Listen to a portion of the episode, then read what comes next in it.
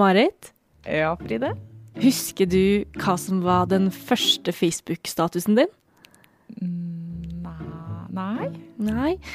5. mai 2007 så har du skrevet 'full av Rocco på magen'. Hæ? Ja? Skjønner du hva det betyr? Eh, Jeg tror kanskje du sikter til porno, pornoskaper Rocco, han som laga den Rocco-russen, husker du den? Å, herlighet. Ja, det, jeg fikk meg jo Facebook fordi um, jeg ble russ.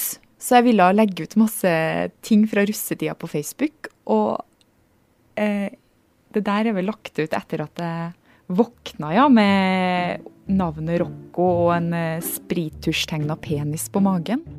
Heldigvis siden den gangen i 2007 så har det jo i hvert fall skjedd ganske mye med Facebook. um, og de andre sosiale mediene, da. Over 2,5 milliarder mennesker er på Facebook nå. Twitter, Instagram og Snap har flere hundre millioner brukere verden rundt. Når du deler budskapet ditt der, kan du påvirke mange. Men nå har Twitter grepet inn og merka en Trump-tweet som misvisende. Og det har sparka i gang en stor debatt. Altså, Spørsmålet om hva rolle selskap som Facebook og Twitter skal ha i å avgjøre hva som er sant og hva som er OK å si, er kanskje blitt mer aktuelt nå enn det noen gang har vært før. Det her er forklart fra Aftenposten. Jeg heter Marit Eriksdatter Gjelland, og i dag er det mandag 8. juni.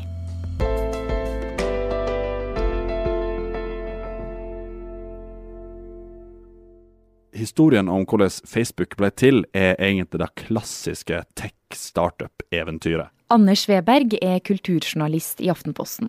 Eh, I 2003 så var Mark Zuckerberg en eh, relativt vanlig student på eh, universitetet Harvard. Han bodde på en liten hybelleilighet. Den var ca. 15 kvadratmeter stor, kanskje. Det var plass til to senger og to små pulter der, og så var det en liten peis i midten. Og inne på da, den, den der lille hybelleiligheten så satt han og utvikla program. Eh, og det første han lagde før Facebook, det var et program som heter FaceMesh. Eh, et program der du kunne sammenligne bilder av ulike medstudenter, og da bestemme hvem du syns var penest eller diggest. Dette programmet gjorde at han nesten ble utvist fra eh, universitetet, men han slapp unna. Og da eh, programmet der bygde grunnlaget for det som senere ble eh, Facebook. Det er litt av ei eventyrfortelling. Mark Zuckerberg, som gikk fra å være den litt kleine studenten som målte utseendet til dama, til å bli en av verdens mektigste og rikeste tech-personligheter med enorm innflytelse. På et punkt som han til og med omtalt som en mulig presidentkandidat i USA, så det forteller litt om eh, hvor, hva slags lysende stjerne han en gang var. Men så har han, nettopp fordi han har så mye makt, og fordi Facebook har fått så enormt mye kritikk mot seg det siste året, har han fått en god del eh, ripe i lakken, kan du si. Han er fortsatt en mektig person, men det har storma langt mer rundt Mark Zuckerberg de, de siste årene. Og Facebook, da, altså siden tidlig 2000-tallet, hva har det blitt og vokst til? Facebook er blitt et kjempemektig selskap og et eh, helt enormt forum for eh, diskusjon. Det handler ikke lenger om å finne venner og gratulere folk med dagen og dele feriebilder der. Det er blitt en arena for politikk. altså Politikere som har et budskap de vil komme med, men som eh, kanskje ikke vil få kritiske spørsmål fra journalister, eller som ikke vil bli korta ned eller justert på noen måte. De deler det heller på Facebook, og da får det stå uimotsagt og treffe rett i publikummet sitt. Og Facebook som et eh, firma har fått mer og mer press for å være en slags eh, overdommer for hva som er sant eller ikke, da. Eh, som en følge av at eh, feilinformasjon har spredd seg, og at eh, fake news er blitt et veldig populært begrep og veldig utbredt. Eh, For spørsmålet om hva som kan være oppe på Facebook, og hva som ikke kan det, er ekstremt vanskelig å svare på. Spesielt for eh, Mark Zuckerberg sjøl, som sitter med makten. For det siste han vil, er at Facebook skal bli en politisk aktør sjøl, og ta ei side i eh, betente saker. Mark Zuckerberg har selv siste ord i viktige spørsmål om hvilken retning og utvikling Facebook skal ha. De siste årene har han gitt uttrykk for å gi mer makt til brukerne sine, men det her har også fått kritikk for å bare være retorikk fra hans side. Men nå så er det jo sånn at det er ikke bare Facebook og Mark Zuckerberg som er giganter i verdens sosiale medielandskap.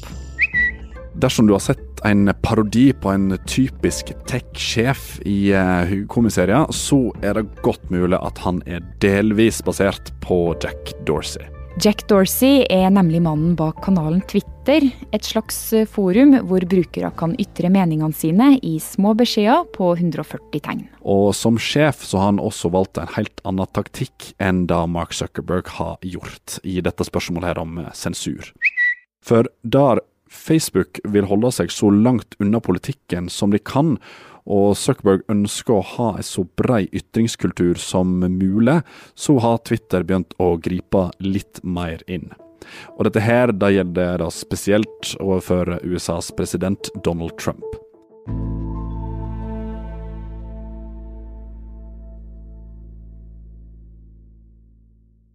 I don't usually use the word Twitter. I use I say social media.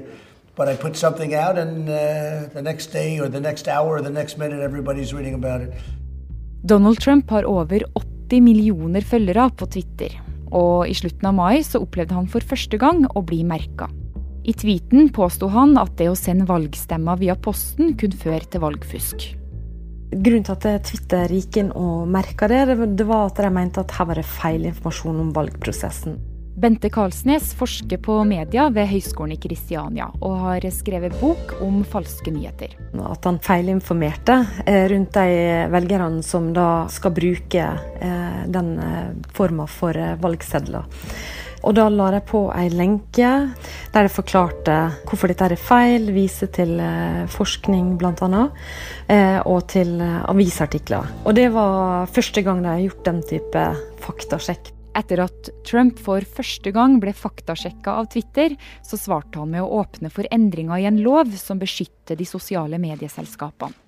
The choices that Twitter makes when it chooses to suppress, edit, blacklist, shadow, ban are editorial decisions, pure and simple. They're editorial decisions. In those moments, Twitter ceases to be a neutral public platform and they become an editor with a viewpoint what they choose to fact check and what they choose to ignore or even promote is nothing more than a political activism group or political activism, and it's inappropriate. Dagen etter denne presidentordren kom et nytt merke opp på en post den amerikanske presidenten la ut i forbindelse med demonstrasjoner mot politivold og rasisme i USA. Denne posten forherliger vold, har Twitter skrevet over meldinga som slutter med When the looting starts, the shooting starts. Altså, når plyndringa starter, begynner skytinga. Men det er ikke første gang Trump har skapt overskrifter med ytringene sine i sosiale medier. Han har gått ut hardt både mot Nord-Korea og Iran tidligere, uten at noe ble gjort.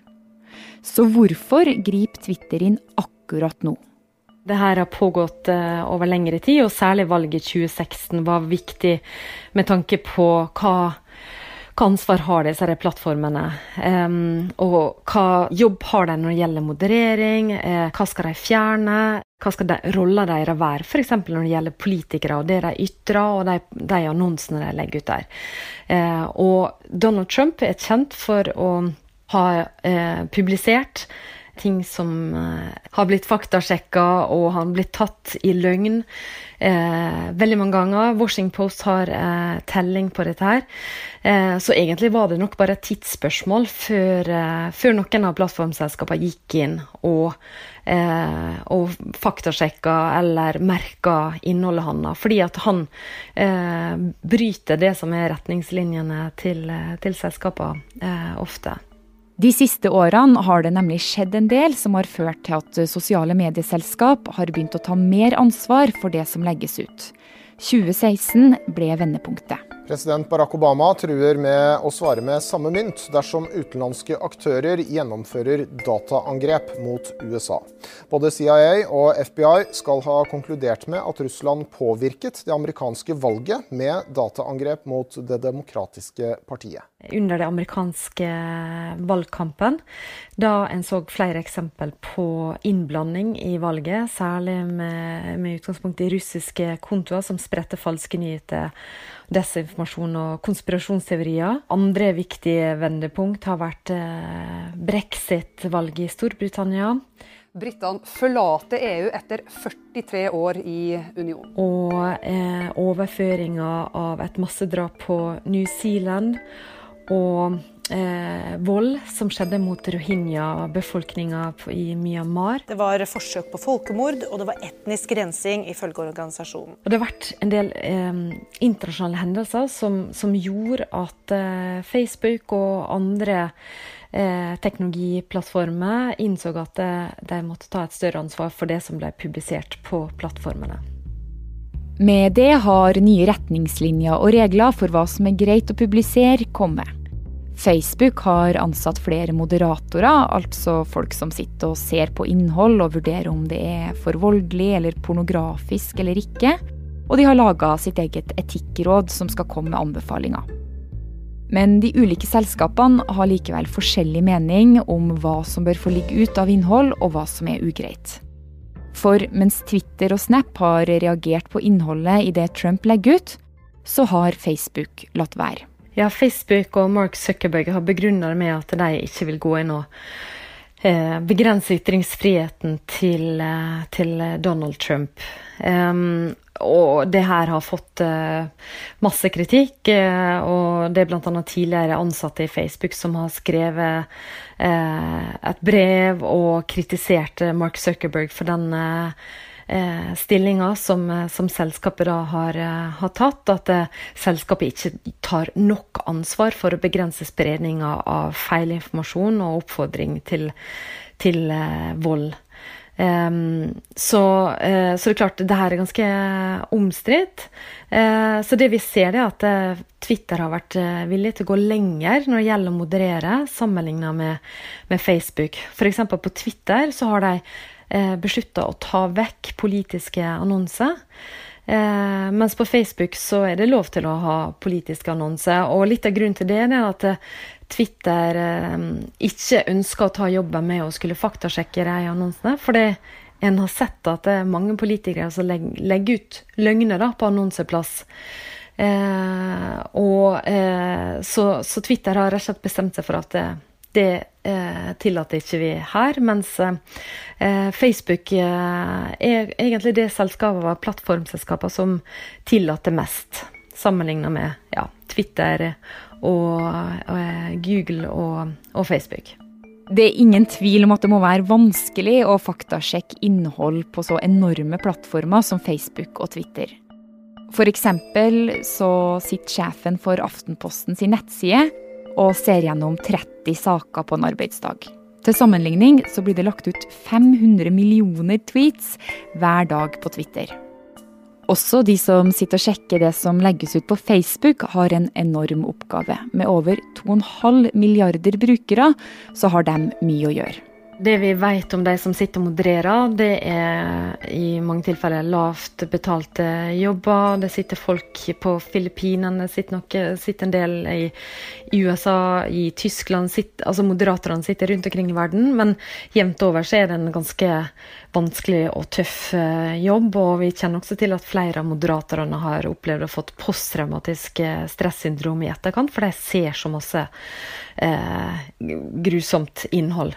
Um, så, så, det er klart at eh, de har et sett med retningslinjer å skulle forholde seg til, men det, det, er en vanskelig jobb de har, og de har veldig kort tid på å skulle gjøre vurderinger på eh, hvert enkelt eh, Eh, bestanddeler, om det er en tekst eller et bilde. Eh, og særlig når det gjelder politisk innhold, så vil det eh, være vanskelig å skulle gjøre den vurderinga.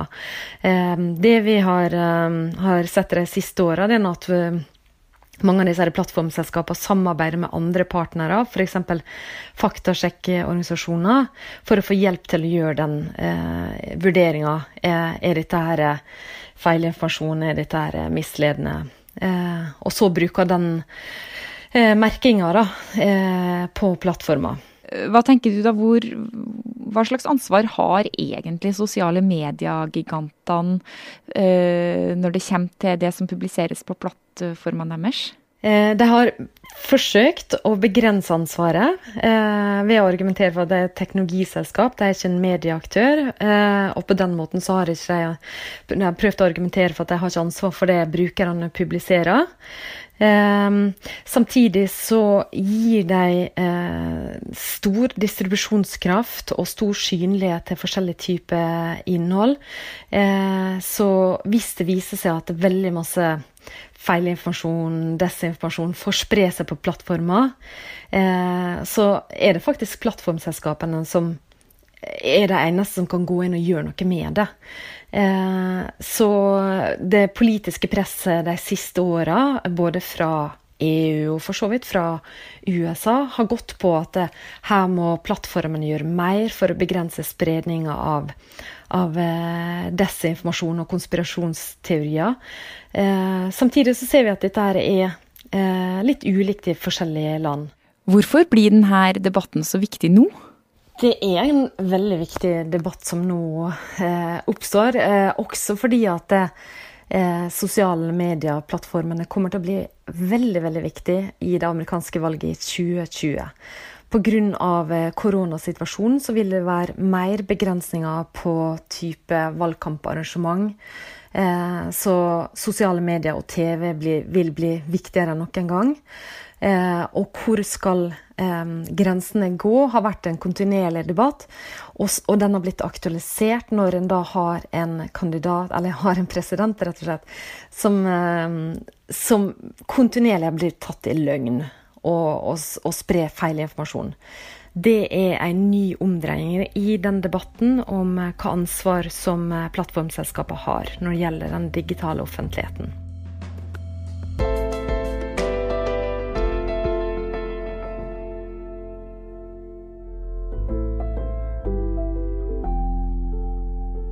Forklart lages av Caroline Fossland, Fride Næss Nonstad, Anne Lindholm, Andreas Bakkefoss og meg, Marit Eriksdatter Gjelland. I denne episoden har du hørt lyd fra nyhetsbyrået AP og NRK.